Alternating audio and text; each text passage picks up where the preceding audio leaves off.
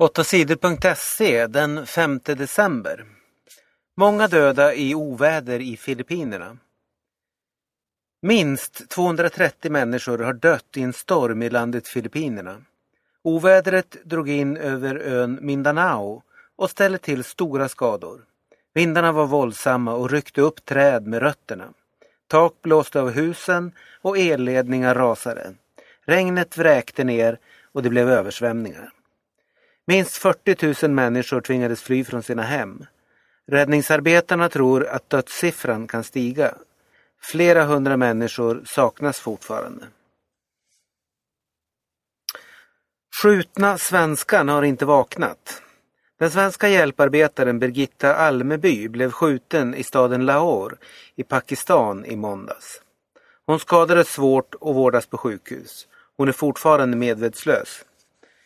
71-åriga Birgitta Almeby arbetade för en kristen hjälpgrupp som driver en skola för föräldralösa flickor.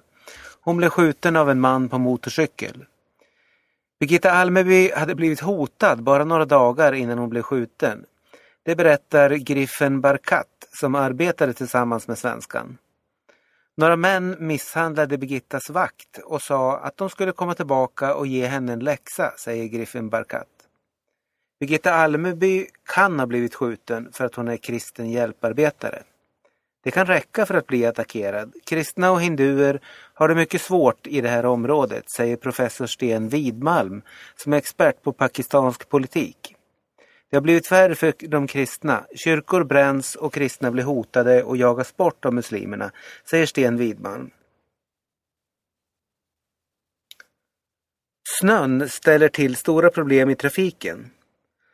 Snön fortsätter att vräka ner över stora delar av Sverige. På tisdagen hände många trafikolyckor på vägarna. I Skåne, Jönköping, Östergötland, Stockholm och södra Norrland körde bilar av vägen. Idag onsdag fortsätter det att snöa och blåsa.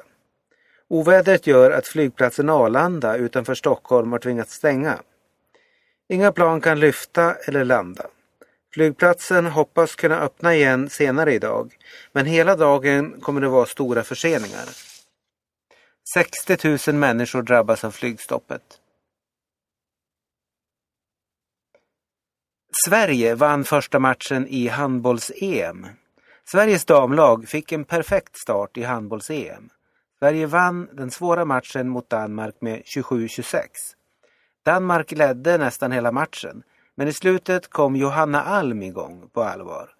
Hon spelade mycket bra och gjorde sju av Sveriges sista tio mål.